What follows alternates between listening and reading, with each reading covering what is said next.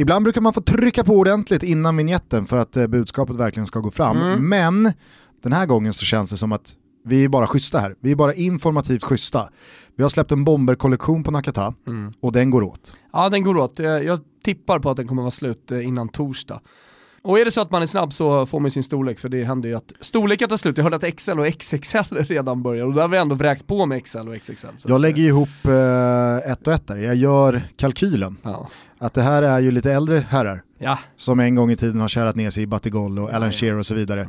Sen vuxit till sig. Sen har de vuxit till sig, blivit finare med åren. Ja, och nu äm- så ska de krama ner den där kroppen i våra feta bomber-t-shirts. Ja, jag måste säga stort cred till uh, Olof och till vårt designergäng som har tagit fram de här. Fyra stycken bomber t bara gå in på nakata.se, snabba er på. Nu kör vi Toto Balotto.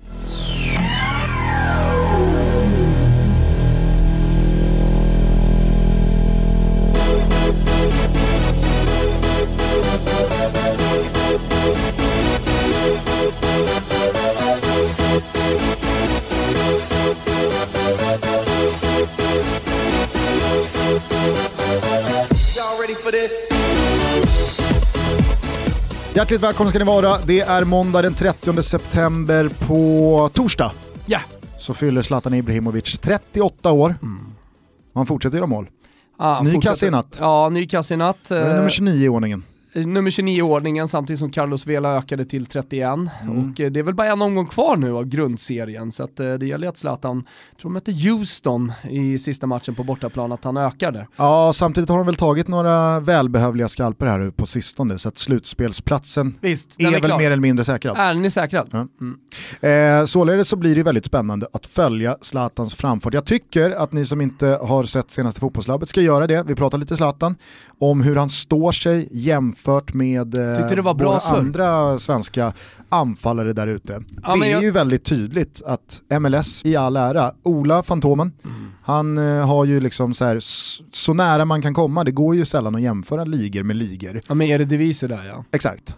Playmaker AI, som man ändå får ta på väldigt mycket allvar. De likställer sin bara- data eh, när det gäller MLS då, då med Eredivisie. Mm, men det är ju inte bara det att eh, folk som tittar på det eller att de själva slår sig för bröstet och tycker att de är bra utan eh, alltså framförallt så är det med ett verktyg som används av proffsklubbar Mm. och sen eh, så har ju ni då gjort ett jävligt roligt eh, tv-koncept av det eh, där de faktiskt delar med sig av till exempel sådana här grejer. Mm. Nej, men jag tyckte att eh, det var, ganska, det var ganska skönt att få det konkret, svart på vitt. Att så här, ja, men om, man, om man ser till vad någon uträttar i Eredivisie så får det en helt annan tyngd Ja.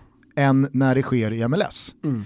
Således så tycker jag att de här alltså 28, 29, snart 30, förmodligen 30 plus när allting är, är klart där borta i USA är över, så kommer ju Zlatan ha gjort en säsong som väldigt, väldigt få Nej, anfallare som, i Europa och i världsfotbollen skulle kunna ha levererat. Ja, men som Ola var inne på så skulle han förmodligen göra lika många mål i Manchester United idag som han gjorde förra vändan han var i Manchester United. Alltså det, det har inte hänt någonting och ser man matchen och har man sett de här målen, 29 stycken som han har gjort, så är det ju många av dem som är väldigt stor klass som eh, få målvakter i världen hade tagit. Och eh, ja, det, det är också alltså det man ser. Oh, nu Pepsin, alltså Pepsin. Pepsi överallt. Ja, men eh, vi har ju fått en, en liten leverans här nu precis på slutet så att det blir att man, jag ska inte säga överkonsumera för man kan inte överkonsumera men, eh, men det blir, blir att det eh, rinner ner en och annan höstpepsi. Eh, hur som helst, det jag skulle säga var att, eh, nej men då förstår man ju verkligen att eh, det, här- skulle funka även i Europa. Därför blir det ju jävligt intressant att se. Det är många som tror att han lägger skorna på hyllan efter den här MLS-säsongen. Ägnar sig åt någonting annat. Då kan han också hävda att han slutar på topp i och med att han, i och med att han har gjort så många mål, en bra säsong. Eh, men eh, man håller ju tummen för att det blir Europa i januari. Och det finns ju många, många klubbar, många stora klubbar måste jag ändå säga, som skulle få eh, väldigt mycket ut av en Zlatan i truppen. Ja, inte minst då, då Manchester United, som Ja, truppmässigt faktiskt. verkligen skulle behöva honom. Alltså man säljer Lukaku utan att ersätta honom, nu går både Rashford och Martial skadade. Jag tror inte att någon av de två hade heller behövt flytta på sig. Alltså Lukaku och Zlatan, det hade blivit en för mycket. Men jag kan absolut få in Rashford och Martial i en startelva tillsammans med Zlatan Ibrahimovic. Men det som jag tror talar emot är väl dels ja, att United själva verkar ha eh, lagt eh, de själva verkar ju ha kastat lite vatten på den där röken som har börjat pyra. Men framförallt så tror jag att Zlatan ser på Manchester United annorlunda nu jämfört med för tre år sedan när han gick till United. Alltså då var Mourinho där, återtåget mot toppen skulle inledas och kanske rent av fullbordas. Nu så känns ju det snarare som att Zlatan ser på United som att ja, kanske att man kan nå en kvartsfinal i Europa League eh, och kanske att man kan nå en sjätteplats. Mm. Det är där vi är idag och det tror inte jag lockar Zlatan speciellt mycket. Inte heller vad gäller Milan, som vi redan har varit inne på, är lite i samma sits. Det är inget Europa, men det är inte heller en, en verklighet som ens är i närheten av topp 4. Nej. Så att, ja, Nej, eh, just nu så är det bottenstrid för Milan, men det lär vi återkomma till. Ja, och vi lär återkomma till vad som, vad som stundar för Zlatan, för att jag, jag, jag är mäkta imponerad av honom den här säsongen mm. och att han liksom inte har gett sig utan att han har bråkat sig tillbaka till både diskussionen om ännu ett mästerskap, om nu Sverige tar sig dit, att han återigen är på tapeten att komma tillbaka till Europa, att man själv känner som du är inne på, att det skulle inte vara någon liksom så här naiv, ja men ge upp nu, det är över eh, eskapad, utan det skulle verkligen kännas som att ja, han går ju till ganska många klubbar och gör mm. skillnad här. Ja, jag håller verkligen med. Det, det, blir spännande och det blir rubriker också framöver här vad det gäller Zlatan. Räkna med det Gugge, men du, vet du vad jag vill ha nu? Eh, vill du ha en eh, plugg för att man ska följa Zlatan och eh, LA Galaxys framfart via Simor? Ja, det vill jag ha. Ja. Först och främst. Får du den nu då? Gör det hörni. Eh, vill och, ha mer? Och, och Serie A och La Liga, allting för en spottstyver. Och den allsvenska eh, slutstriden för en liten extra slant. Sen vill jag ha ett svep. Ja men då ska du få dig ett måndagssvep, det är säkert många lyssnare där ute som också vill ha en liten uppfriskande fläkt från helgens godbitar. First things first. Vi börjar svepet med att konstatera att Djurgården ikväll kan spela bort värsta rivalen AIK från SM-guldet vid seger borta mot Östersund. Detta efter att Gnaget återigen lämnat Borås Arena utan en seger och trots en utebliven straff i slutet tror jag få tyckte poängtappet speglade matchen felaktigt. Desto fler kände nog karma is a bitch. Några timmar senare hade även AFC blivit rånade på en straff. Detta till Malmö FFs stora glädje och när Anders Christiansen fullbordade lyckan med matchens enda mål gick himmelsblått upp i ledning av den haltande tabellen. Blåvitt och Häcken vinkade gemensamt adjö till topp 3 genom kryss i 0-3-1-derbyt medan Norrköping enkelt städade av ett desperat Falkenberg med två imponerande noll. Desperation vid havet efter att Sundsvall på mindre än en minut vänt underläget till seger mot Sirius och Tonys Tigrar är nu uppe på kvalplats. Och de blåsvarta studenterna från Uppsala är helt plötsligt indragna i bottenträsket. Ja, ni hör ju själva vilken jävla rysare det här blir. I båda ändarna så köp Simor. Då kan man ju dessutom följa La Liga där John Guidetti hux flux startade för sitt Alaves igår hemma mot Mallis. Utbytt efter knappa timmen, mållös men ändå. Vår andra anfallssvensk Alexander Isak fick återigen börja på bänken när Sociedad inkasserade säsongens första förlust borta mot Sevilla på. Seger för det hackande Barca och 0-0 i Madrid-derbyt där de vita marängerna höll tredje raka nollan sen kapten Sergio Ramos comebackade efter fiaskot i Frankrike. Slump? I think not. Men hörni, på tal om anfallssvenskar, Olympic Marseilles kortsida valde igår att i en väldigt vacker mosaikkorre hylla Säffle-Gunnar Andersson som gick bort för exakt 50 år sedan. Svensken är fortfarande klubbens meste målskytt genom tiderna och det är ungefär det jag har på Gugge Andersson. Och att det förmodligen var från Säffle då. då. Annars börjar det bli tjatigt nu. Nya 1-0 för PSG efter ett sent vinstmål av Neymar. Hur länge buas det? Jag gissar att det upphört innan november. I Italien spände Inter och Conte musklerna borta mot Sampdoria när man med tio man i halva matchen bärgade segern. Lukaku vilades och Alexis Sanchez återuppstod från de döda, som man givetvis visste att han skulle göra. Juventus vann utan att glänsa, Roma och Napoli lika så medan det var klang och jubel kring Atalanta, Lazio och i synnerhet Fiorentinas segrar. Helt plötsligt känns Violas segertåg lika självklart som deras förlustvit gjorde och Montella ser onekligen ut att ha rest sig på nio. I Tyskland är Bayern i serieledning för första gången för säsongen, detta då Foppens Leipzig mycket oväntat torskade hemma mot Schalken. 0-4s fjärde raka och nu börjar man undra om Die Königsblau har något Nej, jag ska inte jinxa. Istället avslutar vi England och Premier League, va? Kanske för första gången i Totos historia. Liverpool fick verkligen slita för sjätte raka och alla tre poäng borta mot Sheffield United. Detsamma gällde City som la Everton på rygg först i matchens slutskede och ett jäkla krig låg också bakom Tottenhams vinst mot Southampton, detta då ärkepuckot Serge Aurier dragit på sig sitt andra gula innan paus och Hugo Lloris på riktigt gett bort en kvittering. Chelsea tog säsongens första hemmaseger, Wolves säsongens första seger och Leicester pulveriserade Newcastle med 5-0. Sen Brendan Rodgers tog över rävarna har eh, City och Liverpool bara tagit fler poäng i Premier League än Leicester och jag vågar nu, trots viss skepsis i den absoluta inledningen av säsongen, slå fast att Leicester blir första lag att bryta Big Six-dominansen. Så är det, Ekosi. Ekosi Gusten, roligt att du nämner det här med Gunnar Andersson. Säffle-Gunnar som eh, han eh, nu numera, för jag tror ändå att det här kommer få ett uppsving. Jag såg att Offside bland annat hade ett reportage. Lägligt nog med det här eh, tifot som eh, Marseille-kurvan stod för. Det är ju i samklang med Offside att vara rätt på det vad gäller 50 år sedan Säffle-Gunnar Andersson gick ja, bort. Ja, exakt. Men jag Känns väldigt att, offside. Ja, eh, men jag tänker att Toto ska vara bra här också. Eh, för, för det första så vill jag bara säga någonting om hans smeknamn där, alltså Gunnar Säffle Andersson. Jag är ju svag för alltså, den typen av smeknamn, som inte är speciellt frekvent längre. Jag menar det funkar inte jättebra med Gusten Vällingby eh, Dalin, eller? Alltså, Tompa må- Rönninge eh, Wilbacher. Rönninge-Tompa hade ju funkat. Ja, det, hade i och för sig funkat. Men eh, det hade ju absolut haft en dystopisk klang. Ja, någorlunda. Vad, alltså, vad hände med Thomas Wilbacher? Du menar Rönninge-Tompa? Ja, Han sitter väl nere på torget ja. och, Och det- och mår sådär. Det var ju precis det som hände med, med Säffle-Gunnar, vad det led, alltså vi kan komma tillbaka till det, men, men just det här med namnen, jag, ty jag tycker att det finns något härligt så här 60-70-talsklingande när man eh, bara lägger in, men, men sen, sen slutade man ju med det, alltså det, det var ju ett fenomen liksom som försvann, Mm. men i poliskåren så levde det ju kvar och lever ju fortfarande kvar. Jag min svärfar är ju, är ju snut va, och eh, där är ju alltid liksom, ah, men jag ska ner till båtklubben med Bosse Bäven och det, det är liksom eh, eh, Jimmy Kofot och eh, allt vad det är. Alltså, eh, alla har ett sånt där liksom, mellannamn. Och Fast det ska inte alltid, då en ort. inte alltid en ort, men, eh, men för mig kan det både vara ort och eh, Ja, det kan, någonting både, annat. det kan både vara. Ja, ja, Okej. ja. Jag trodde du drog en lans här för de geografiska Nej smeknamnen. nej, men generellt sett så, så jobbar vi inte med de här mellannamnen. Alltså vi hade ju Patrik Bjärred Andersson var väl den senaste som... Mycket eh, bra exempel. Ja, ja, det är ett bra ex exempel. Där, där, alltså jag, jag jobbade med Bjärred så sent som förra veckan. Ja. Körde man absolut, tjena Bjärred. Ja, ja men man, det, det, det har liksom blivit folkmun. Säffle då i, i folkmun, jag vet inte hur det slår sig. Bjärred är väl en extremt eh, rik kommundel eller kommun.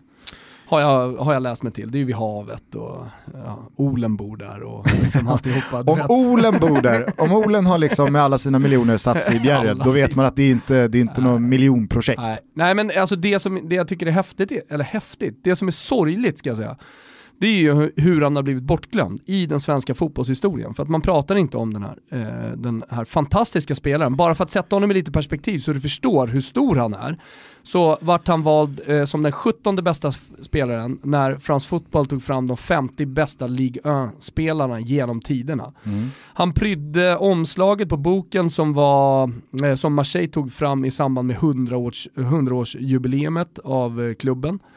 Eh, han, han är, som du sa då, alltså klubbens bästa målskytt genom tiderna. Vi pratar alltså 50-58 när han spelade i Olympique Marseille. Alltså det här, fantastisk spelare. Han, han eh, kommer då från Säffle. Ja, han kommer då från Säffle och, och skulle till IFK Göteborg. Men precis i den vevan så förbjöd man ju eh, spelare att vara proffs, alltså du skulle vara amatörer. Det var ju så under 50-talet ända fram till 58, att du inte fick vara proffs för, om, för att spela i landslaget. Ja. Så det var ju många av de här stora spelarna. Sen tog man bort det inför VM 58 för man ville ha in liksom bombgänget så att säga. Det var ju ett ålderstiget eh, landslag där. Men Det var eh, hemma-VM och allt, man kände att ska vi inte bara släppa på, vi, vi vräker på. ska vi inte ta hem Grenoli, Ja. gubbarna? Ja, men ja, framförallt så blev det ju Kurre Hamrin och resten är historia. En, eh, en, historisk silvermedalj. Men eh, Gunnar kom inte med. Hans relation till Marseille, både klubben och staden, beskrivs som ett, som ett äktenskap mer eller mindre. Alltså det, det, var, det var verkligen kärlek. Supporterna älskade honom under hela den här tiden.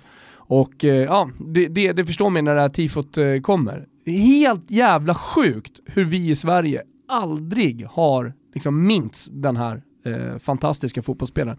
Tragiskt livsöde, han blir alkoholiserad, han eh, jag köper någon pub vad jag har förstått det som. Eh, det går åt helvete, han super väl ner den puben misstänker jag liksom. Och alltihop entreprenörskapet och sådär. Eh, Vände han hem till Säffle eller?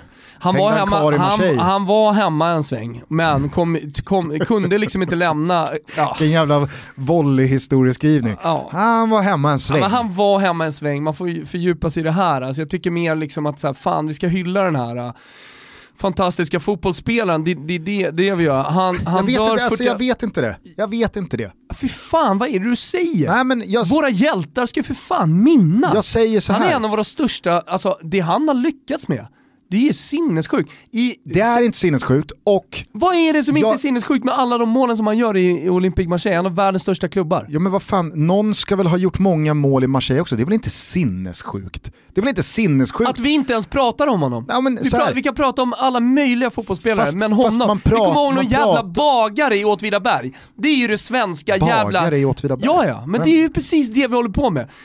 Så Gunnar Bagan Svensson i Åtvidaberg, det är, en så här, det är en spelare som svensken ute i stugorna kan ta till sig. Alltså, vi svenskar vill ju ha tillbaka att man måste vara amatör för att spela i landslaget. det är så jävla illa det är. Nej. Jo, nej men precis så är det. Vi glömmer bort våra hjältar. Det här är fan Marcus Birros enda kamp, nej det ska jag inte säga, hans finaste kamp som han har tagit. För att vi ska minnas våra stora jävla eh, legender. Och det här är en legendar, en legend. finns han är ingen som otrolig. hatar någonting så mycket som, som Marcus Birro hatar att Men Gunnar du kan Gren sitta- fick ställa sig sist i kön på Ullevi när han Nej, skulle gå men in och du se kan en- ju inte sitta här och säga att vi inte ska minnas Säffle-Gunnar. Jag säger tvärtom. så här. jag har inget dåligt samvete överhuvudtaget och jag känner noll... Historielöst är Ja, det. må så vara. Jag känner bara noll entusiasm kring att så här, fan, Säffle-Gunnar fick inte, alltså så här, hans namn och låga fejdade ut i, i Sverige. Det, är väl, alltså så här, det gäller samma sak med Agne Simonsson och hans Tvärtom, tid i Real Madrid. nej, och, de- de vem, vem spelarna har ju ändå- Vem är det alltid du pushar för? Va? Raggio Di Luna. Raggio Di Luna, Selmosson. Men alltså så här, det är ändå spelare, de här spelarna som du nämner är spelare som, som, som man minns. Äh. Spelare som man pratar om, det är det visst, absolut. Det har gjorts eh, eh, dokumentärer. 98% har ingen aning om Agne Nej, men då- Simonssons tid i det Real här, Madrid. I det här landet så är vi historielösa. Vi, vi kan ju för fan inte ens vår egen jävla historia. Ja, men- Vi lär oss ju inte det. Det är viktigare med USAs fucking jävla trötta, korta historia än vad det är med vår egen svenska historia. Mm. Och, och det, det Hey, I'm Ryan Reynolds. At Mint Mobile, we like to do the opposite of what Big Wireless does. They charge you a lot, we charge you a little. So naturally, when they announced they'd be raising their prices due to inflation, we decided to deflate our prices due to not hating you. That's right. We're cutting the price of Mint Unlimited from $30 a month to just $15 a month. Give it a try at mintmobile.com slash switch. $45 upfront for three months plus taxes and fees. Promo rate for new customers for limited time. Unlimited more than 40 gigabytes per month. Slows. Full terms at mintmobile.com. Spring? Is that you? Warmer temps mean new Allbirds styles. Meet the Superlight Collection, the lightest ever shoes from Allbirds, now in fresh colors. These must have travel shoes have a lighter than air feel and barely their fit that made them the most packable shoes ever. Plus, they're comfy right out of the box. That means more comfort and less baggage. Experience how Allbirds is redefining comfort. Visit allbirds.com and use code SUPER24 for a free pair of socks with a purchase of $48 or more. That's A L L B I R D S.com, code SUPER24. Samma sak, det visar sig här i fotbollen också. Vi ska så, såklart, fan det ska vara i grundskolan, ska du lära dig vem fucking Säffle-Gunnar är. Och att han kallas för Monsieur 50%, nej 50% eller någonting sådär. Han kallas för Haveri. Monsieur... Du bytte Lyssna, språk mitt i smeknamnet. Monsieur 50%. Monsieur. Mi- Ja. 50% kallas för. För att han gjorde, under hans tid i Marseille, gjorde han 50% av lagens mål. Ja. Alltså det, det, det, det är otroliga grejer här. Det är fant en fantastisk historia som dessutom det finns ett tragiskt livsöde i. Alltså, och på den tiden fick man väl ingen hjälp överhuvudtaget. Pank dog han på gatan alkoholiserad. Mm. Och vi bara pissar på, på det minnet. Jo men jag säger så här. jag har mycket... Skit jag, i multiplikationstabellen. In med Säffle-Gunnar och gänget för fan i grundskolan. Jag har mycket, mycket liksom mer eh, sympati, empati och intresse i liksom min Säffle-Gunnar, Masse Magnusson. Pre liksom mig och mitt medvetande, men så pass i realtid att han liksom känns relevant och aktuell. Jag satt ju här med dig och Niva i, i vintras. Jag, jag har, jag har, och jag tror det jag talar för, för ganska många, jag har väldigt svårt att ta liksom fotboll pre 60-talet på allvar, det gör inte så mycket med mig. När folk liksom viftar med någon ligatitel från 1903 eller Svarte Filip har öst in mål i allsvenskan. Alltså så här, jag Det sitter inte här och tycker att Svarte Filip i Elfsborg är den bästa jävla anfallaren som Det är inte allsvenskan det du ska skådat. göra, du missar ju Fast- poängen här. fast- Du är historielös, det är det du är och det är det som är tråkigt. Du Men då fall... borde ju du prata om Svarte Filip med den största respekten Ja. There is. Nej, jag behöver inte prata Varför om honom som den största respekten, men det viktiga är att vi i alla fall pratar om honom när det händer någonting och att vi minns honom. Jag är tyvärr också en produkt av det här samhället. Jag är också en produkt av att inte lära mig alla, mina, eh, alla, alla våra gamla legenders namn. Tyvärr så är det så. Men jag försöker i alla fall, och när en sån här sak händer så tycker jag att det är viktigt att lyfta det. Det är ett historielöst jävla trött Ly- land och folk är, lyfte folk är som eller du inte? nu. Jo, du lyfte det och det var bra. Var jag först på lyfta bollen här? Nej, men jag tycker. Jag, ty, jag tycker så här, det här gör någonting med mig. Och när du säger att det inte gör någonting med dig, då, då tycker jag att det är tråkigt, jag blir ledsen. Ja, du får tycka att det är tråkigt, du får bli ledsen. Men jag skulle uppskatta om du inte liksom så här eh, eh, guilt-shamear mig Alla för att jag i inte... hela Sverige guilt-shamear. Ja, Okej, men det tycker jag är fel. Det för att, säger någonting om vårt samhälle. Vår mat skiter vi också i. Det är viktigare med en bra burgare på någon jävla trött burgarställe. Och så ska någon prata om att det kommer från en eh, gräskossa eller mjölkkossa det jävla högrevet. Jag skiter fullständigt i vilken hamburgare. Jag ungarna, ungarna i mellanstadiet, de ska lära sig om Gunnar Säffle Ja. Och så ska de lära sig hur man rullar rejält bra köttbullar. Ja, precis så är det. Hemkunskapen, de läser hur fan du använder en fucking trasa. Lär dem rulla en köttbulle istället, så de inte slipper köpa en jävla halvfabrikat varenda gång när de blir äldre, feta och fula och bleka. Fan, ge dem, ordent- ge dem ordentlig kunskap i hur du lagar mat. Fan. Det är mycket viktigare. Fan vad det här hade rimmat om du hade varit en 100% varumotståndare. Det hade varit som liksom så här klockren, klockren eh, kombo av inställningar. Men men, nej, alltså, jag, jag hör vad du säger och jag tycker också att det är fascinerande hur spelare som då Säffle-Gunnar och Selmonsson och Agnes Simonsson och så vidare kan ha fallit i glömska. Å andra sidan säger det kanske mer om hur få saker som nådde gemene svensk tiden före, ska vi säga tiden före 80-talet? Framförallt Alltså, så fanns- säger men någonting här, om tiden nu. Jo, men jag, tror att, jag tror att man måste förstå, man måste sätta Sverige i ett historiskt perspektiv och förstå att det fanns en, knappt två tv-kanaler. Det fanns Sveriges Radio, det fanns en nyhetsbevakning som höll sig väldigt mycket inom landets gränser. Vad som skedde nere i Rom eller i Madrid eller i Marseille fotbollsmässigt, jag tror att det nådde liksom inte det nådde inte den breda massan och det här är spelare dessutom som heller aldrig gjorde några större avtryck i landslaget.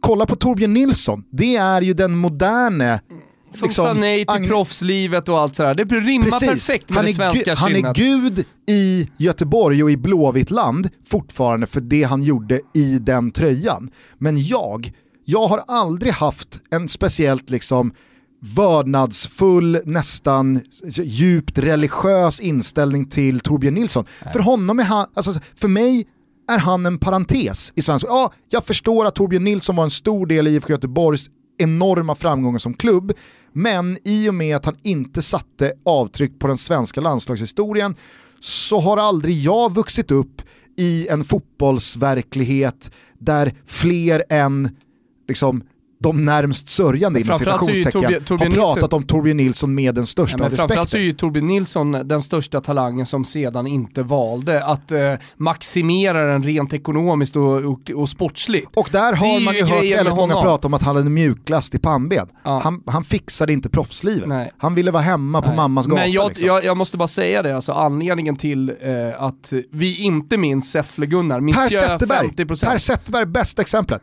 ja, Tror du han pröjsar en enda nota i, heter stan Anderlecht? fast Per Zetterberg är helt... an- Heter stan Anderlecht? Såklart den gör. Ja, Okej, i Anderlecht eller i Aten då efter sina år i Olympiakos. Ja. Men Kung det jag ska säga, fram, framförallt så, så finns det ett ointresse hos svensken eh, att lära oss vår egen historia, som här spiller över även i fotbollen, i kombination med att vi lever i ett jävligt snabbt informationssamhälle.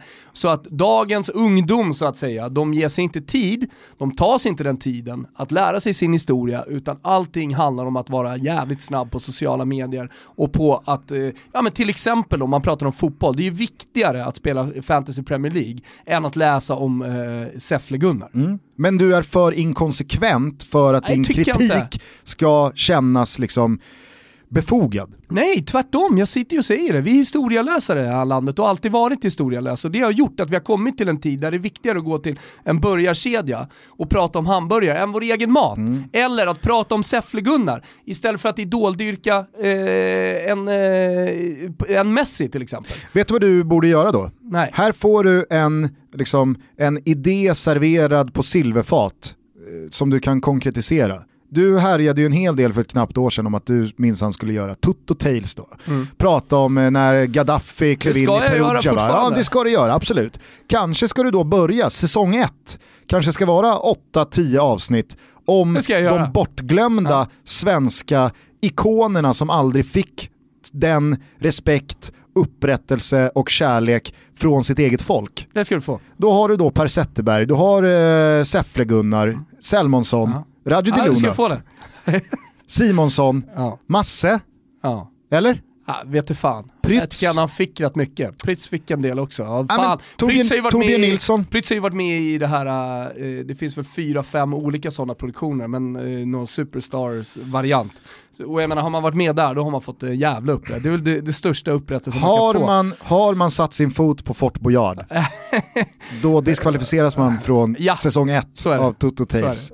Ja, vad, vad har du med då? Torbjörn Nilsson är givetvis, Nej, men jag tycker absolut att Johnny Rödlund passar, även om inte han fick en stor fotbollskarriär så är det en, eh, en, eh, människa som är intressant. Ja. Som också har hamnat snett, eller hamnade lite snett, och nu, nu kan jag inte det senaste kring honom, men, men eh, helt klart. eh, Peter Wibron, Peter Wibron. Va? Han är en jävligt fin fotbollsspelare. och, och om jag förstod det rätt Nej, så, jag- så var väl han liksom, det var väl Rostocks Nej, men, eh, mest älskade man. Jag, jag, var, jag var ju på jakt i somras när jag var på Skiatos och Skopelos. Efter en stor svensk eh, Hammarby-spelare. Just det. Mm. Just det. Han ska med också. Nej men så det, det finns ju massa, det, det ska jag göra. Vad sa du? Vad hette han? Vad sa du? Sa du? Va? Vad hette Jag hör Hammarby? inte vad du säger. Jag hör, inte vad du säger. Du, eh, ska vi gå vidare och börja prata om lite mer eh, aktuella saker då? Absolut. Så att vi Vad tyckte- kan, vad tyckte vi kan fröjda, fröjda vår, eh, vår yngre publik som redan har tröttnat och börjat eh, svepa in på, vad är det man sveper in på när man tröttnar på Toto? Eh, nej men eh, det är väl, eh, ja, fan, jag vet Nej inte. tyvärr, ja där fanns Där var det tomt. Det här är tomt. Vi är sponsrade av BMW och vi vill verkligen slå ett slag för den nya BMW 1-serien. The one and only. The one and only. Ja men den är otrolig. Jag sitter i den nu.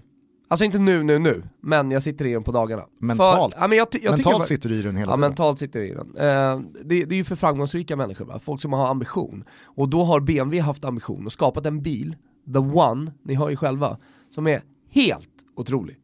Nu har jag kört runt i den i, i en dag och eh, jag vill inte, jag, jag, måste, jag måste faktiskt säga så här Gusten, jag är ledsen Helena, men du är nummer två. Är det till och med så också att du far med osanning i vad du har för ärenden på dagarna Ja, ja. gentemot Helena och dina döttrar? Ja, ja. För att du ska få Jag cruisa runt lite extra. Exakt, jag glömde tanka. Jag ska ju tanka igen för andra dagen i rad. Ja, den, är, den är otrolig. Elegant, eh, sportig, pigg är den. Pigg? Ja, ja, verkligen. Ja, Den är, ja, den är bra på alla sätt Gustav. Och jag tycker alla som eh, är lite sugna på the one, gå nu in på bmw.se, kika runt, åk till BMW, boka en provkörning. Och ta plats både fysiskt och mentalt i BMW 1-serien. Ja. Vi säger stort tack till BMW för att ni är med och möjliggör Toto Balutto. Stort tack.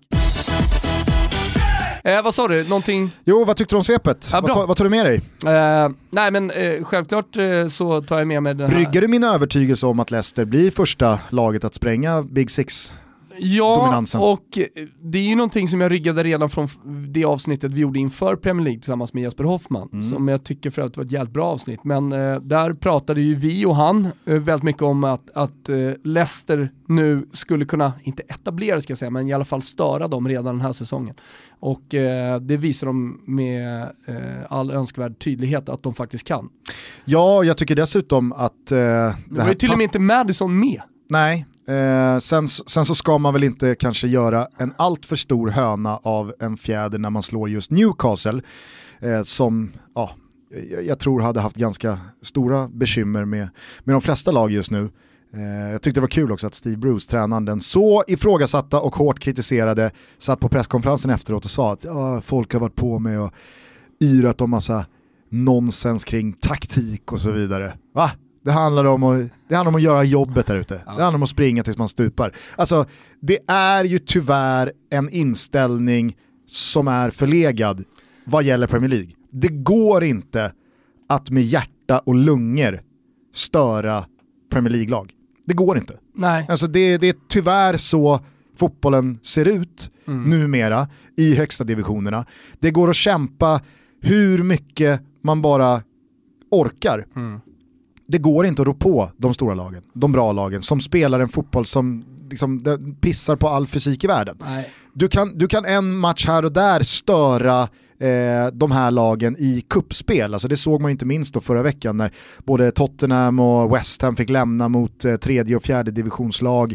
Manchester United har eh, svårt att eh, städa av Rochdale och så vidare. Men det är ju sammanhang där ett, det är en ruggig rotation, många spelare får göra sina första minuter, det är en hel del junisar, eh, det dels är säga vad man vill om det, men jag är helt övertygad om att det är en jävla massa underskattning från de stora lagen, samtidigt som det är livets match för de elva spelarna i det andra laget.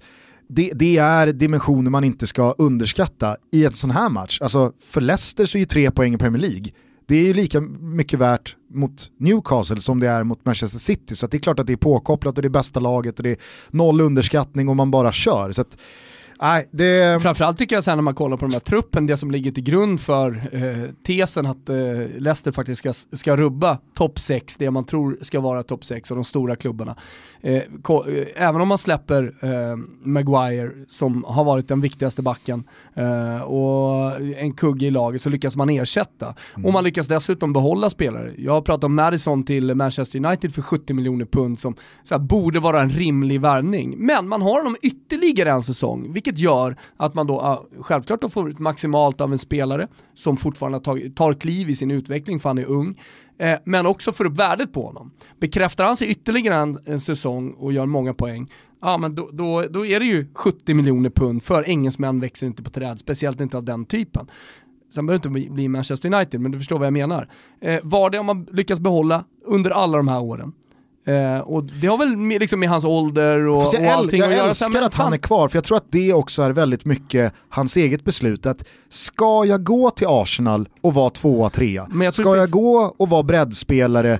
Eller Men jag breddspelare, men också- han drunknar ju i Manchester United eller Tottenham eller vilket klubb han än hade valt. I Leicester så är han ju sheriff, kung och borgmästare. Exakt, och han skulle inte tjäna så jävla mycket mer om han skulle gå till en storklubb. Nej. Eh, Han har dessutom de vunnit pengarna, en ligatitel som Ja. ingen någonsin kommer kunna Ja, ta men ifrån här är ju. Leicester bra också på att eh, se sina största spelare och se till att behålla dem så att de inte blir lockade Mm. när det kommer betydligt större kontrakt och ligger på bordet för, för till exempel Vardy. Utan då, då blir det lättare för dem att välja att vara kvar. Mm. Eh, alltså nu, nu är det här en eh, helt annan koppling, men kolla till exempel på Riberis framfart i Fiorentina och hur jävla bra han är. Och i slut i Bayern München. Alltså han, han, hans sista år, visst han gjorde en jättebra avslut, gjorde mål i sista matchen och man såg att han fortfarande hade det. Men snacket om Ribéry när han kom till Fiorentina var ju att han var gammal, att han var skadebenägen, att han absolut inte liksom, skulle göra den stora skillnaden. Han är ju gamla Ribéry, och varför då? Jo, för att han har, han har blivit den spelaren, man har satt honom i centrum av projektet. Det, det, det, man, man kan få, su, få ut så jävla mycket mer spelare genom att ge förtroende till spelare, alltså redan vid kontraktskrivningen. Eh, men jag tror också motivation som kommer från sportslig ledning och allt sånt där, vilket gör att, ja men så här, typ en Vardy eller en Ribéry som får en nytändning i karriären, den typen av spelare kommer alltid vara, klass kommer alltid vara klass någonstans. Det låter lite klyschigt men så är det. Klass är permanent. Mm. vad säger du, form är temporärt, klass är permanent. Är. Men jag tror att eh, du, du är inne på helt rätt eh, spår där, för det finns ju fler spelare i Leicester som jag tror har mått väldigt bra av att inte har dragit på sig några av de största tröjorna för tidigt. Alltså titta på Ben Chilwell, vänsterbacken. Barnes snackades ju väldigt mycket om redan i fjol. Han är kvar och han får sin speltid lugnt och försiktigt matchar man in honom. Thielemans, fortfarande ung belgisk landslagsman. Alltså att han inte går, han hade kunnat välja och vraka bland de absolut största klubbarna, är helt övertygad om. Men jag tror att det är väldigt, väldigt klokt klubbval att gå till Leicester där man vet att här är jag ordinarie, här får jag spela, jag får tävla mot de fyra, fem, sex bästa lagen i ligan hela tiden och mäta mig med dem. De kommer ha realistiska chanser att vinna inhemska kupper. De kommer kunna slå sig in och spela Europaspel. Alltså, samtidigt som Brennan Rodgers Men- gärning hittills tycker jag andas väldigt, väldigt mycket revansch och en nästan så här besatthet av att visa sig vara den managern han aldrig riktigt fick erkännandet för att vara i och med den där snöpliga ligatitelförlusten i Liverpool. Men man ska komma ihåg att Brendan Rodgers pre-Klopp, och då kommer vi ihåg hur många som pratade om Alltså när Klopp kom till Liverpool, att ja, här behövs det tre, fyra transferfönster och Klopp sa att ge mig, ge mig eh, tre säsonger så ska vi vinna någonting och sådär. Det var ju det laget, Brendan Rodgers, mer eller mindre, visst, Sterling och Suarez Selling a little or a lot? Shopify helps you do your thing however you cha-ching. Shopify is the global commerce platform that helps you sell at every stage of your business. From the launch your online shop stage to the first real life store stage, all the way to the did we just hit a million orders stage. Shopify is there to help you grow. Shopify helps you turn browsers into buyers with the internet's best converting checkout. 36% better on average compared to other leading commerce platforms because businesses that grow grow with Shopify. Get a $1 per month trial period at shopify.com/work. shopify.com/work. Hey, I'm Ryan Reynolds. Recently, I asked Mint Mobile's legal team if big wireless companies are allowed to raise prices due to inflation. They said yes. And then when I asked if raising prices technically violates those onerous two year contracts, they said, What the f are you talking about, you insane Hollywood ass? F- So to recap, we're cutting the price of Mint Unlimited from $30 a month to just $15 a month. Give it a try at mintmobile.com slash switch. $45 upfront for three months plus taxes and fees. Promo rate for new customers for limited time. Unlimited more than 40 gigabytes per month. Slows. Full terms at mintmobile.com. det är klart de gjorde skillnad. Men alltså så här, det var ett Liverpool som inte bara på grund av två, tre spelare utmanade om en ligatitel och hade den i sin hand, utan där hade ju Brandon Rodgers verkligen gjort det bra. Men så, Ehm. att, så jag tycker att det är, eh, är intressant också att se vilken position Leicester har fått i hierarkin i England. Alltså nu ligger de precis bakom de absolut största klubbarna. Vilket gör att man kan locka till sig spelare. Jag tycker att Thielemans till exempel är ett jävligt bra exempel på det.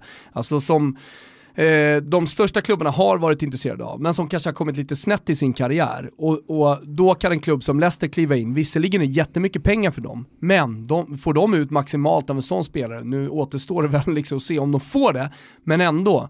Eh, då ser ju andra spelare av, liksom, låt oss säga samma kaliber och som har, eh, som har haft ungefär liknande situation, vad som har hänt med, med, med honom. Och då blir Leicester helt plötsligt ett, ett ett, alternativ att gå till. Och de här spelarna också som inte riktigt når upp till eh, storklubbarna, då behöver man inte vara ung och en talang som har hamnat lite snett. Men, men eh, en klubb precis bakom. Så du kan ta vilken liga som helst, så har du ju alltid, eh, alltid de klubbarna, typ Valencia, Sevilla i, i Spanien, eh, alltså du har ja, men, absolut redan nämnda Fiorentina i, i, i Italien. Antingen en trampolin då, men den trampolinen är ju den finaste, för att den kan ta dig till de största kontrakten, de största klubbarna. Eller bara en jävla fin klubb för en 28-åring att hamna i till slut. Och, och, och att fortfarande vara aktuell för landslag och, och allting sådär. Så det, de, de håller på att sätta en position just nu i, i Premier League som är jävligt intressant. Verkligen. Eh, på tal om bara belgiska landslagsmän måste jag säga det att Kevin De Bruyne, helvete vilken säsongsinledning. Må han få vara skadefri. Ja men jag tycker att det är, det är någon slags formtopp han visar upp just nu. Och där är det ju både form och klass som verkar vara permanent. Han hade ju en väldigt skadefylld säsong i fjol, men när han är så här fit for fight och när han är i sånt här slag, Nej, bästa spelaren. Bästa mm. spelaren eh, kanske i världen just nu. Ja, och så har han ju den perfekta coachen och den perfekta omgivningen, vilket får honom att verkligen prestera maximalt. Alltså den talangen, med den erfarenheten han ändå har, prestera maximalt. Det, ja, det, det, det skulle ju kunna leda jävligt långt, inte bara för Manchester City, men även för han själv. Mm. Om det här fortsätter, och så har vi ett mästerskap i sommar också. Eh, ska vi eh, lämna England, eller var det någonting mer från, från helgen som du fastnade vid där? Jag tycker vi kan lämna om du har någonting intressant du vill gå på. Ja, jag tycker faktiskt att eh, Giffarna förtjänar att lyftas här. ja, jag, såg, ja, men jag såg verkligen inte Tony Tiger rida in här och lösa det. Jag såg absolut en effekt komma, Alltså, jag, jag, minns mycket väl här också när jag träffade Tommy Naurin i början av augusti och han sa att man ska inte underskatta att en klubb har varit i sådana här situationer förut och att man, man vet hur man löser det och att det, det gäller att ta en match i taget och inte tänka för mycket katastrof och att man vet att fan, vi, vi kommer lösa det gentemot de andra. Det är liksom inte Malmö eller Djurgården eller AIK man ska slå utan det, det gäller att knipa sina poäng mot bottenlagen. Och så gör man det här tränarskiftet, man tar in några spelare i slutet av fönstret och så bara på mindre än en vecka slår man då Kalmar borta och Sirius hemma på sättet man gör det också. Alltså man vänder 0-1 underläge till seger i slutet av matchen. Eh, nu är ju både Kalmar och Sirius absolut indragna i det igen och hux flux så är man på kvalplatsen. Mm. Det som såg så kört ut. Samtidigt som då Falkenberg, ja men Visst det är ett bra Norrköping som kommer på besök men de såg ju liksom håglösa ut. Ja, det, jag tycker det man liksom gör det lite mot Djurgården också. Ja, och det var inte ens så Steve Bruce, alltså inte ens Steve Bruce-delarna kunde man sätta check i boxen på utan man blev totalt utrullade. Mm. AFC ser ju också uppgivna ut. Ja. När... Och de har ju dessutom halkat efter lite mer, alltså med, med sina knappa 15 är det väl? Ja, Nej, men jag, jag, tycker verkligen att, vi pratade om det för någon vecka sedan. Att, du ser eh... ingen great escape på Falkenberg eller AFC? Nej, men det vi ser just nu är ju en great escape för Giffarna. Exakt. För jag, jag tror ju att, eh, alltså Djurgården gör jobbet ikväll, således förlänger Östersunds förlustrad. Mm. Eh, Sirius och Kalmar som sagt indragna i det igen här nu då. Mm. För jag tror Helsingborg vinner ikväll också. Så att, jag, tror, jag, jag, tror framförallt Östersund i det här läget uh, lever riktigt farligt. Mm. Ja, men upp, upprättelse för Giffarna. Det var, jag, jag, liksom, jag rycktes verkligen med igår när jag såg den där minuten. Mm. Eh, hur de vänder och vinner och känslan efteråt. Fan Tony Gustafsson, alltså jag har en, jag har en speciell relation till honom. I och med men... att han förstörde din brors karriär? Exakt, ja. jajamän. Eh, precis så. Men Eh, jag, jag du, är inte, du, är inte, du är inte mindre, mindre än så att du kan eh, sitta här i Toto och hylla honom? Nej, precis. Och jag kan, jag kan, som du nämnde också förra veckan, man kan ju verkligen glädjas med supportrarna som trots en usel säsong resultatmässigt inte sviker utan dyker upp. Det var ju nästan 5 500 på, mm. på Norrporten och vad jag har förstått av vissa jag läst in mig på via Twitter och sådär, bättre stämning eh, än på hela säsongen. Och, nej, jävla roligt. Den enda man lider med är ju Joel Cedergren, ja. som tyvärr fick offras när det egentligen var ekonomin i klubben som kanske inte han har jättemycket ja, men hur jävla viktigt är det inte då att lösa det här kontraktet? Så han måste ju också förstå att han behöver offras, att det behövs ja. en ny energi, en annan röst. Och I jag, det här läget uppenbarligen dessutom. Och jag tror, min känsla är kring Joel Cedergren, att han satt igår också och gladdes ja, med Giffarna. 100%. Och jublade. Ja, ja, ja. alltså det finns ju, alltså den bitterheten finns ju inte. Det är fortfarande hans lag som är på väg att göra det. Kan det finnas kan finnas, absolut. Sorry. Tror du Henke Larsson gladdes åt eh, Olof Mellbergs eh, första seger hemma på Olympia? Tror ändå att han gör det. Alltså. Tror du det? Ja, jag tror ändå att han gör det. Jag tror ändå Inte det. Inte lika säker. Alltså det är klart att det finns en bitterhet där, och en, alltså han är ju en surgubbe av rang. Alltså en sån här surgubbe som går och berättar för en att man kör lite för fort på 30-vägen nära, nära huset, liksom kommer ut och, och att han har hund. App, app, app är någonting som han gärna uttrycker liksom, när han pratar i, i, i, i, i sitt civila liv också. Eh, man kan ju se verkligen när han är 55-60 hur jävla sur han har blivit. Och det är ju konstigt mm. med tanke på vilken, eh, fantastisk, vilket fantastiskt liv han har fått, Henke. Men eh, vad, vad skulle vi komma någonstans med... Eh, Nej men att Joel gläds med, med Giffarna. Ja, jag tror att han gör det men jag är, inte, jag är inte övertygad kring att alla gör det. Alltså alla tränare som har fått Nej. gå men ändå har känslor för klubben och hoppas att det går bra för det. Jag tror att många är så pass egocentriska och narcissistiska att okej okay, om jag fick gå då önskar jag alla eh, piss och kolera. det, jag, jag måste säga bara, jag lyssnade på den här matchen på Radiosporten, för att, alltså, jag vet att vi har hyllat dem tidigare, men hur fantastiskt är det inte att sitta i en bil och lyssna på Radiosporten? Det är väldigt fint. Det är, eh, för mig som har mycket folk runt mig hela tiden och är i sammanhang där det är väldigt mycket folk hela tiden, så är det nästan till en religiös upplevelse att bara sätta sig ensam och lyssna på när Batanero tar en frispark eh, för sitt lag i slutet av matchen som Radiosporten refererar som att fan det där kanske är orange, eh, den tacklingen. Eh, då, då, vet man hur mycket det betyder också. Mm. Det räcker med dem och jag behöver inte se det. Jag fattar vad Batanero gör precis i det ögonblicket när han tar den. Han visar att den här matchen den ska vi bara ha och det är på det här sättet vi tar den. Så att eh, det, det, var, det, var, det var en fin, fin liten stund. Andra änden av eh, tabellen då, håller du, med dig, håller du med mig om att eh, Gnagets guldtåg gick igår? Ja, Definitivt. Alltså, jag, jag har ju varit inne på att det har gått tidigare i och med att man har spelat som man har gjort, men, men det är klart att det går. Alltså det går väl inte att säga någonting annat. Nej, alltså, alltså herregud, men matematiskt och spelschemamässigt hade man ju fram till igår hur man än eh, tycker att AIK spelar och vad man än tycker de förtjänar sett till hur de spelar och så vidare, så fick man ju ändå räkna in dem i en realistisk guldchans i och med att Djurgården ska möta Bayern och att man möter Malmö själva. Alltså så men, men, jag personligen har ju inte trott på det. Nej, det, det, inte trott på det, men svart på vitt så har de ju tillhört guldstriden. Absolut. Det går inte att säga någonting annat om. Men, men mentalt två... har jag räknat bort dem. Ja, och de två tappade poängen igår, det kändes ju som att vad är det Åslund alltid säger? Det, det har legat i korten. Mm. Alltså så här, det här poängtappet har legat i korten.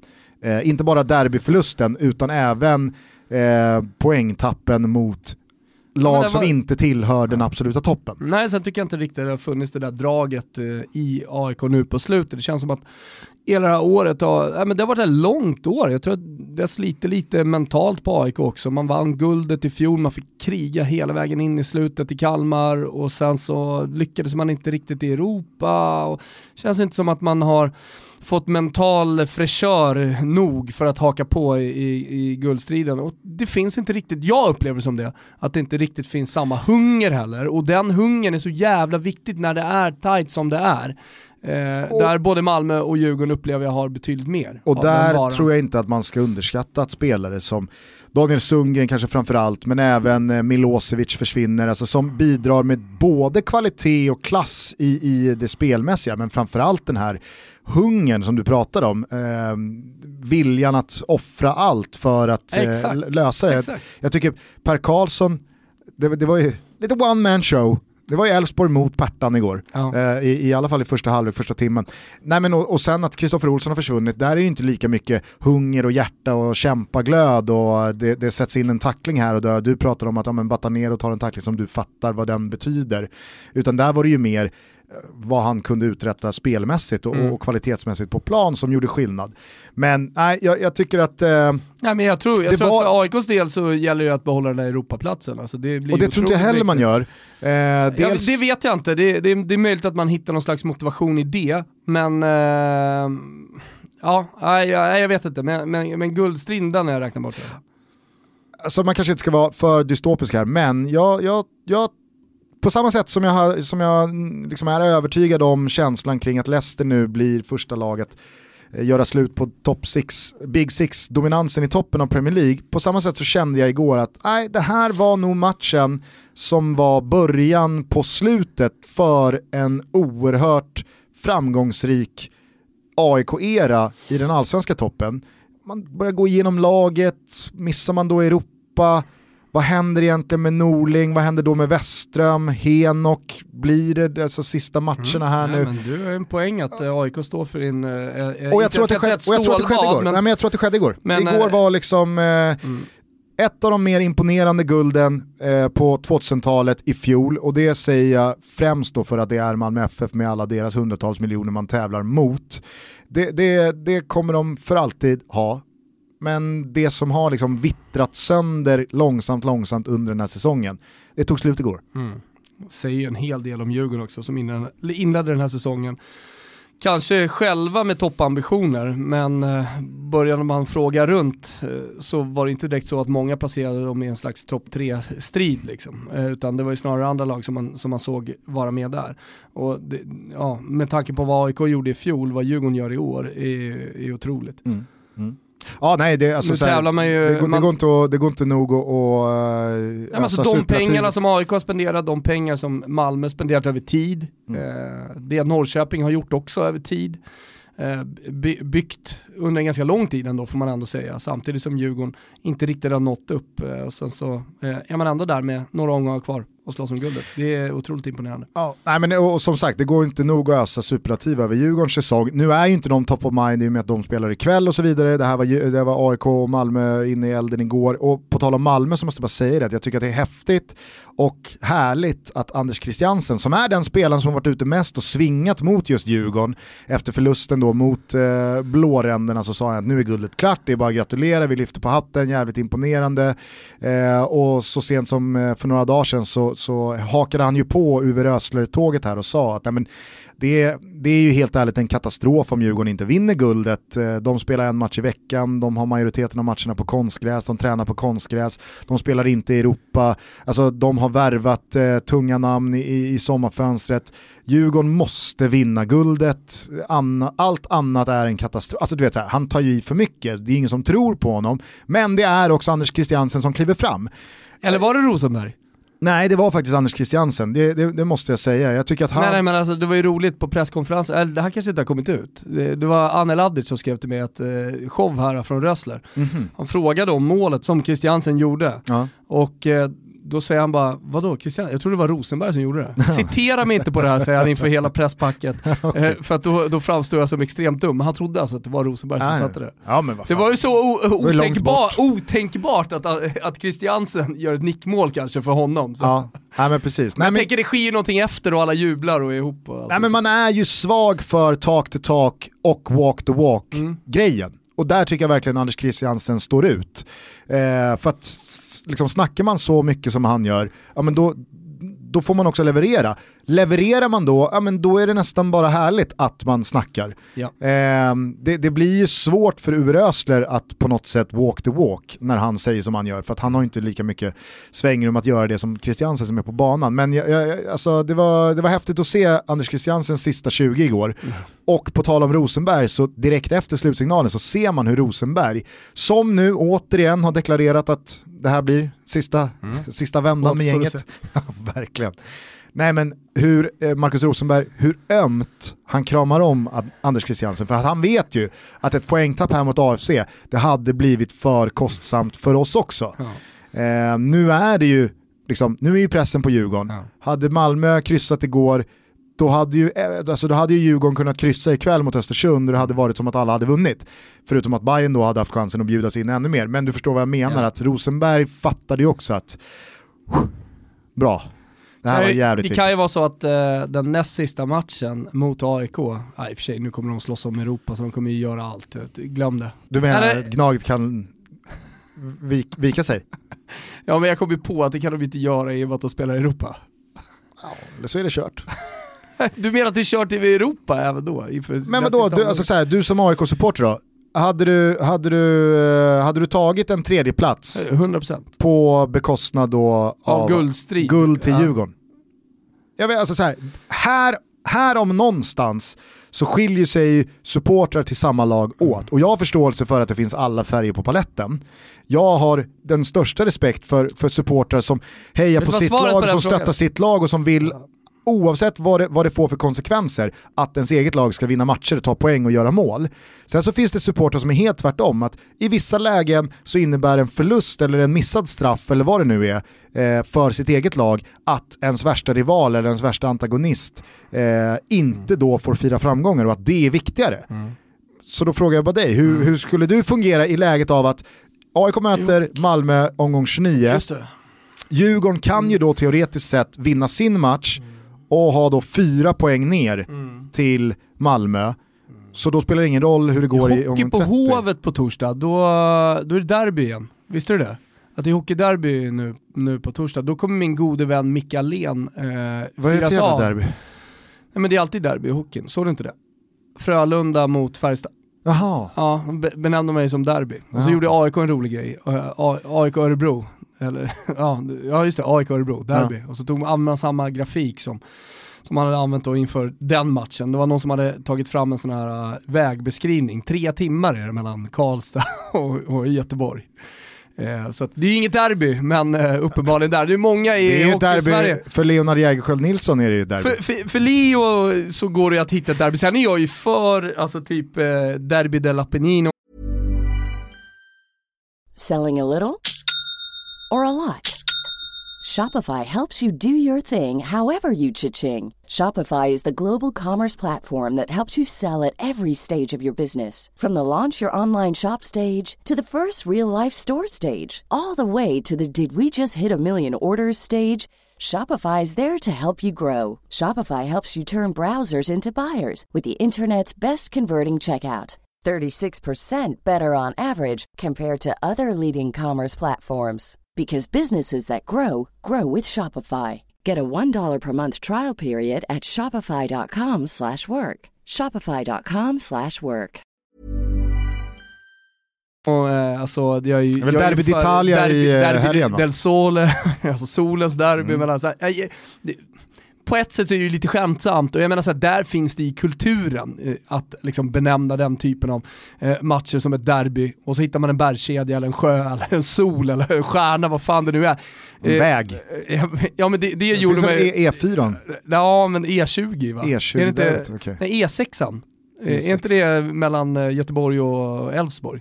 Ah, Okej, ja, det är ju Elvestico har det blivit. Okej, Det har ju satt sig. Det, det tycker jag, det tycker Jo, men jag är lite härligt. man pratar ju om Elvestico lite som man pratar om Apenninderbyt i Italien. Alltså så här, man kan ju också, Ja. kan också Nej, men tycka det, att det är lite charmigt med, ja men med, vadå, så, så här, Skånederbyt? Med Färjestad Ja men mot, Skånederbyt. mot Karl, Karlstad, på säga, eh, mot eh, Frölunda. Den, den, är, den får man ju kriga in för att It's a att det är, stretch. där, det är en stretch. Ja. Men jag skulle bara säga det, jo så, så att jag ska på hockey och fira av eh, Micke och han är ju, ju, då Djurgårdslegendar Ja. såklart eh, och krigar liksom, för sin dröm att spela i Djurgården hela tiden. Det ska bli kul. Det är mitt svar på din fråga, nu kan vi gå vidare. Nej men du får väl svara på frågan här nu. Va? Du får Jag svara på frågan.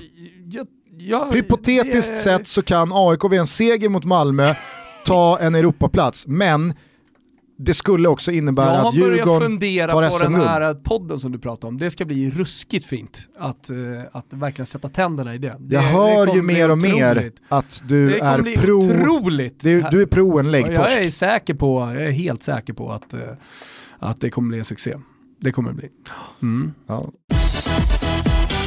Vad sa du, sa du någonting om Mario Balotelli i svepet? Eh, Vi- icke. Det är så svagt alltså. Däremot så har jag lite frågor eh, till dig som eh, följer eh, italiensk eh, fotbollspress liksom tim, timvis.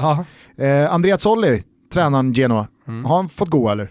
Nej, ännu inte. För det pratas väl Gattuso här nu som han står redo att ersätta. Han, Gattuso läste jag italienska medier, var ju i Moskva och kollade på, eh, vem, vilken svensk var det som var där? Hiljemark va? Ja det var Hiljemark ja, precis. Jag skrev att han fick anledning att, att kanske damma av sin italienska då. Eh, det är fortfarande inget klart eh, i Moskva. Han så kanske kan bjuda Gattuso på feta biffarna. Han kanske kan bjuda honom på feta biffarna. Ja. Där har du också, historielöst. Va? Gör köttbullar då för fan. Eller hur? Ja. Vad ska du ha fetaost i? Eller i alla fall, prata inte om det. Nej. Nej. Eh, Men okej, så- Andrea Zolli han, han sitter kvar. eh, än så länge. Senast ja. Och så undrar jag då eh, DJ, Eusebio Di Francesco, Ja. ny tränare i Sampdoria för Han får säsongen. mer tid. Jumbo, Men tok-jumbo. Ja, men, men, men där, när det gäller honom så handlar det ju helt mycket om pengar. Alltså i och med att han är en dyr tränare. Vi kollade ju på den lönelistan tidigare och det är en lön Mm. Som kommer fortsätta. Samtidigt då som Sampdoria är ute för försäljning. Eh, fortfarande ingenting klart och det tror jag handlar om att presidenten Ferrero är stenhård. Han kommer inte vika sig en jävla tum utan eh, har han sagt eh, typ 1,57 miljarder, då är det det som gäller. Och eh, ja, det har, det har inte blivit något officiellt men, Men jag är helt också säker på att det är kräftgången. Kan inte hans säljarposition försvagas för varje omgång av dåliga resultat som vet går? inte. Jag, jag, vet inte exakt hur, såna, hur man värderar sådana, men, men, men börjar man närma sig liksom Serie B, alltså att det blir så Mm. eh, utdraget, då kommer det ju definitivt att försvagas i och med att då får man inte in samma pengar. Nej, exakt. Man vill inte köpa på sig ett lag som- liksom. med all sannolikhet ska åka ur. Eh, hur som, okej, eh, Gianpaolo då. Eh, Milan med ytterligare en torsk. Alltså deras eh, säsongsinledning läste jag i morse är historiskt svag. Senaste gången Milan förlorade fyra av de sex inledande serieomgångarna var säsongen 30-31. jag såg det också. Ja, det, det, det, speciellt så är det ju anmärkningsvärt med tanke på var man kommer ifrån. Alltså det, det, det, är inte så att man gör en historiskt svag säsong, säsongsinledning eh, rakt på en succésäsong, utan det här är ju, det här är ju någonting alltså med Milan som har gått eh, sakta neråt och bara blivit sämre och sämre för varje säsong. Och så har man försökt, krampaktigt försökt att satsa sig kvar i toppen, men allting man gör verkar bara bli pannkaka av. Nu har man ju då bytt ut den sportsliga ledningen, nu har Bobban kommit in och det har man ju trott på stenhårt. Han är ju en väldigt uppskattad, eller varit en väldigt uppskattad expert i uh, italienska studier. Uh, så jag vet inte vad vi skulle kunna jämföra det med i Sverige. Axén. Uh, ja men typ, liksom att han går in som sportchef i AIK mm. och, och, och, gör någonting. bra jämförelse för övrigt. men liksom Paolo Maldini där, eh, ha, de har ju beskrivits som ett här, superpar eh, och, och, man har trott på det. Men kanske är det så att de bara behöver mer tid. Men, men i och med att man kommer då ifrån eh, succén med Berlusconi alla de åren och sen så lyckades man knipa en sista scudetto. Men kraftgången började och nu är det väl, vad är vi inne på för år? Alltså post Allegri är det väl egentligen vi pratar Åtta. om. Ja, nej men när man förlorade scudetton egentligen eh, mot Juventus där med det där målet av Montari som dömdes bort, eller dömdes aldrig inne. Eh, så, så, har det liksom sakta gått neråt. Eh, och framförallt med Milan tycker jag det känns som att man inte har hittat någon röd tråd. Det är panik hela tiden. Mm. Eh, kniven mot strupen och då har man ändå gjort satsningar. Alltså när, man tog, när man tog in ja men där vändarna Chalanoglu kom och Ricardo Rodriguez, alltså det, det, det, var ju ett år man, man spenderade extremt mycket pengar som man inte fått ut någonting från. Man tog Cassie och, och eh, eh, ytterbacken, vad han heter, han får ju fan eh, aldrig bukt på sin skada, han får ju inte spela. Eh, eh Conte, Andrea Conte från eh, Atalanta. Alltså, man öppnade ju plånboken rejält i vintras alltså också, dels, Paketa ja, och Piontek. Men dels då, dels då så visar man att så här, vänta kolla, nu, nu värvar vi intressanta spelare från Bundesliga, från andra ligor. Eh, och dels så värvar vi det bästa unga, ja, men typ kanske inte bästa bästa men så här, riktigt bra ungt från, eh, från Atalanta. Kessie är väl, han lyfter i alla fall inte det här Milan, eller han lyfter inte detta Milan själv.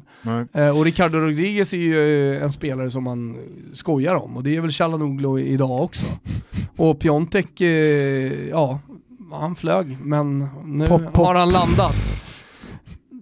Det, det är blött, blött krut i den puffran just nu i alla fall. Eh, men jag tror att det är ett problem med hela Milan, jag tror inte man bara ska gå på individen här, absolut ja. inte. Alltså, att ha ett San Siro emot sig, som buar redan i den första halvleken, mm det, det är få spelare som, man, som kan hantera det och ja, vända det. Och jag tycker att två, två brasklappar som ska nämnas här också när man pratar om de här två klubbarna som Milan och Sampdoria, det är ju att Sampdoria, visst, de ligger sist, men som du är inne på, det är, ett, eh, det, det, det är en försäljning som nog sipprar ner ganska mycket ut på planen. Men det har också varit ett väldigt, väldigt tufft spelschema för Sampdoria. Eh, för Milan, så är det alltså fyra förluster på de sex inledande. Och det är inte så att man utöver Inter i derbyt har mött Juventus och Roma och Napoli, utan man har spelat mot Udinese, man har spelat mot Hellas, man har spelat mot jo. Brescia, man, igår hade man Fio hemma och man blir ju fullständigt avklädda, mm. överkörda mm. av ett Fiorentina som så sent som för en vecka sedan inte hade vunnit sedan februari. Nej, och sen, sen så är den statistiken eh, självklart kryddad av hur det såg ut förra säsongen. Alltså det, det handlar egentligen bara om det. På tal om tuffa säsongsinledningar så hade man ju faktiskt ett kryss mot Juventus där man förtjänade mer. Man hade ett 4-3 i premiären mot Napoli där man be förtjänade betydligt mer. Alltså två, två absolut kanske de två tuffaste motståndarna, i, ja, räkna med Inter där också då, i den här säsongsinledningen och där man gör riktigt bra matcher mot dem. Scudetto, Scudetto kandidaterna. Så att, eh, jag menar, ja, det, det, det, är alltid lätt att liksom göra, sig ro, göra sig lite lustig över den statistiken, men det såg ju faktiskt bättre ut på planen och det, det låg ju segrar i luften. Ja, nu känner jag att vi har eh, liksom pratat deppigt om Milan nog för ett tag. Mm. Är du, är du med mig på den Är, känslan? är det Utvisningsbåset? utvisningsbåset för Milan? Ja. Ja okej. Ja, men jag tycker skönt också att vi inte Vi har suttit här dem och, lite. alltså, så här, nu är det dags att lägga locket på vad gäller det deppiga Milan ett tag. Det har varit skönt att idag inte sitta och prata om domslut, alltså den här Saletros-straffen eller inte. Det är, det är skönt. Ja. Bara skönt att Fräscht. inte prata om, om, om de eh, domsluten. Eh, desto roligare känns det att prata lite Champions League. Andra gruppspelsomgången drar ju igång imorgon tisdag, fortsätter över onsdagen och eh, juvelen är väl ändå Barca-Inter. Mm, tycker jag i alla fall. Inter Alltså- som eh, kommer från eh, kryss i premiären med nöd och näppe hemma Ja. mot Slavia Prag. Barca också med kryss i premiären, eh, borta mot Dortmund, Ter Stegen räddade straff och så vidare. Och Barca har ju haft en hackig säsongsinledning, Messi lite småskadad. Eh, får väl se om han kommer till start eh, här, det tror jag. Men eh, det här blir en ruggig match att följa. Men det finns en hel del annan eh, fotboll också i denna vända. Kanske inte lika så här sexig på förhand då som Barca-Inter, men jävligt spelvärd. Således har du och jag haft så pass många tankar att vi den här veckan kör varsin Toto-trippel borta hos Betsson. Ibland får man bara känslan i magen att här kommer en egen trippel. Det är inte så att vi inte var överens, men eh, båda kom in på K26 här eh, med eh, jävligt starka känslor. Exakt, istället för en Toto-sexling så blev det varsina tripplar. Ja, Eh, du tror på tre raka segrar. tre raka segrar. Jag tror att Inter har sånt otroligt fokus på ligan. Att eh, den där matchen mot Slavia Prag, det var liksom ingen slump. Eh, tvärtom då för Barcelona. Eh, jag tror att de kommer göra en bra match också efter då kryss. Det var inget, det var inget katastrofkryss borta mot Dortmund. Kryssa borta, vinn hemma. Det brukar räcka ganska långt, eller hur? Och Juventus eh, på schemat då för Inter till helgen. Exakt, exakt. Det kan till och med miniroteras. Och kollar man på Contes Europastatistik så är det ju inte, det är inte, det är inte som man blir bländad som ligastatistiken. Jag tror också att Kvartsfinal med Juve va, som bäst. jag tror också att supportrarna inte heller kommer tycka att det är någon katastrof om man Nej. åker ur gruppen ifall man vid den tidpunkten leder ligan Nej. med 4, 5, 6 poäng. Det kommer man absolut inte tycka. Det är bara att kolla på den entusiasmen som är just nu i eh, det blåsvarta Mi- Milano-landet. Det är, det är helt otroligt, det är liksom fullsatt varenda match. Jag får ju frågor, fick jag nu precis innan, så här, hur löser jag biljett inte Roma? Sorry man, men det är nog fan, alltså, du vet, det är, ska du gå via någon eh, biljettförmedlare, då snackar vi liksom punga upp tre lax för en vanlig, vanlig kanske inte är mot Roma, men ändå så här ligamatch. Det är tufft alltså. Men eh, det man får göra kan jag väl passa på att säga, det är att gå in på hemsidan när släppet kommer. Kolla med Siavush på, eh, på Twitter exakt när och hur det ska göras. Eh, men det säger en hel del om Inter och den entusiasmen som finns, det kommer in, den kommer inte att mildras Nej. av att man inte går vidare. Eh, Barcelona vinner således, sen så har jag också rak seger för Dortmund. Eh, och eh, Dortmund vet ju alla som kan sin, eh, Champions League, sitt Champions League-schema, de spelar borta mot just Slavia Prag.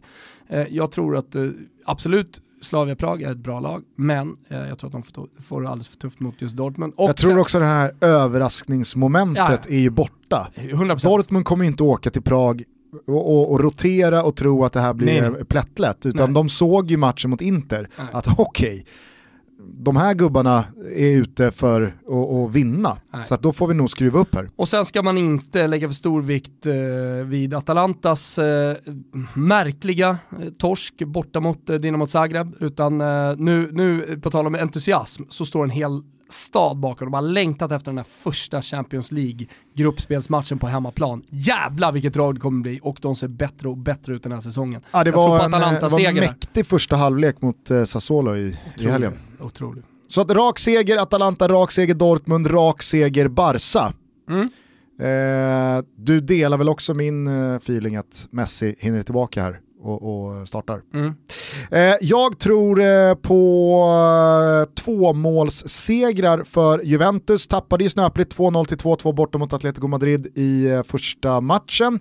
Nu är det hemma mot Bayer Leverkusen. Leverkusen som överraskande men rättvist torskade hemma mot eh, eh, Moskva, Lokomotiv Moskva va? I sin premiär. Eh, Ronaldo är igång igen, han har fått vila lite i någon ligamatch här, var inte med i truppen mot Brescia förra veckan. Så att eh, pigga ben och Juventus på jakt efter tre bergsäkra pinnar. Således tror jag att man vinner ganska bekvämt hemma mot kusarna.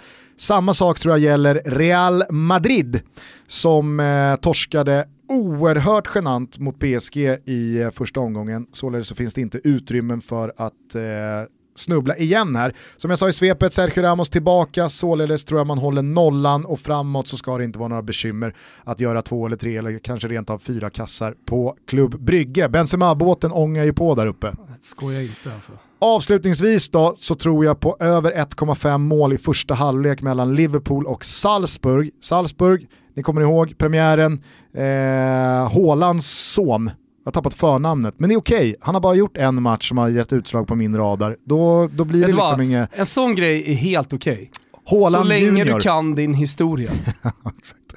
Håland Junior på topp och Salzburg... Jag blir glad som... att du inte kan hans namn. Ja, det gör mig glad. Jag tror att Salzburg åker till Anfield uppumpad av självförtroende efter den där 6-2 eh, vinsten i, i premiären och känner att så här, vad fan ska vi dit och, och stå och stångas runt egen box för? Nu åker vi dit och går för det gubbar, så ser vi vad det leder till. Vi har tagit tre poäng och vi har en pluskvot, nu kör vi. Samtidigt som Liverpool då, då kommer från förlust eh, borta mot Napoli. De kommer tuta och köra från första start. Det kommer vara Firmino, Salah och Mané, mm. givetvis. Äh, det här blir öppna spel, en rejäl jävla målfest och jag tror att det smäller direkt. Så mm. det är min trippel. Ni hittar båda de här under godbitar och boostade odds på Betsson.com. Man ryggar med 148 spänn i hashtaggen Toto-trippen och så skickar väl vi in två av de mycket, mycket åtråvärda bombertischerna. Jajamensan. Ja, det gör vi. Glöm inte bort att köpa biljett, eh, på tal om saker och ting som går åt, eh, till Oscarsteatern. Vi kommer ha en, äh, årets show kommer det bli. Det blir bra. Och förmodligen, ja. Det kommer bli jävligt bra. Ja, det kommer det bli och framförallt så kommer det bli jävligt roligt. Eh, så gör det, och sen så vet jag att han heter Micke Rönnberg, så håll inte på att skicka en massa mail och grejer på Twitter, utan eh, vi har koll på läget här i Toto. 5 december är det som gäller, showtick.se eller länkar från våra sociala medier. Det går inte att missa det va? Det gör det inte. Eh, så hoppas vi att eh, vi ses där. Vi hörs igen lite senare i veckan när det har spelats Champions League, eh, den allsvenska guldstriden har gått vidare. Malmö FCK är ju en ruggigt intressant match att avhandla också. Ja, så att, ja, fotbollsfesten fortsätter. Mm, och så har vi en intressant gäst på väg in också som folk kanske kommer bli lite förvånade över. Det blir kul. Ja, det blir kul. Mm. Det blir jävligt kul.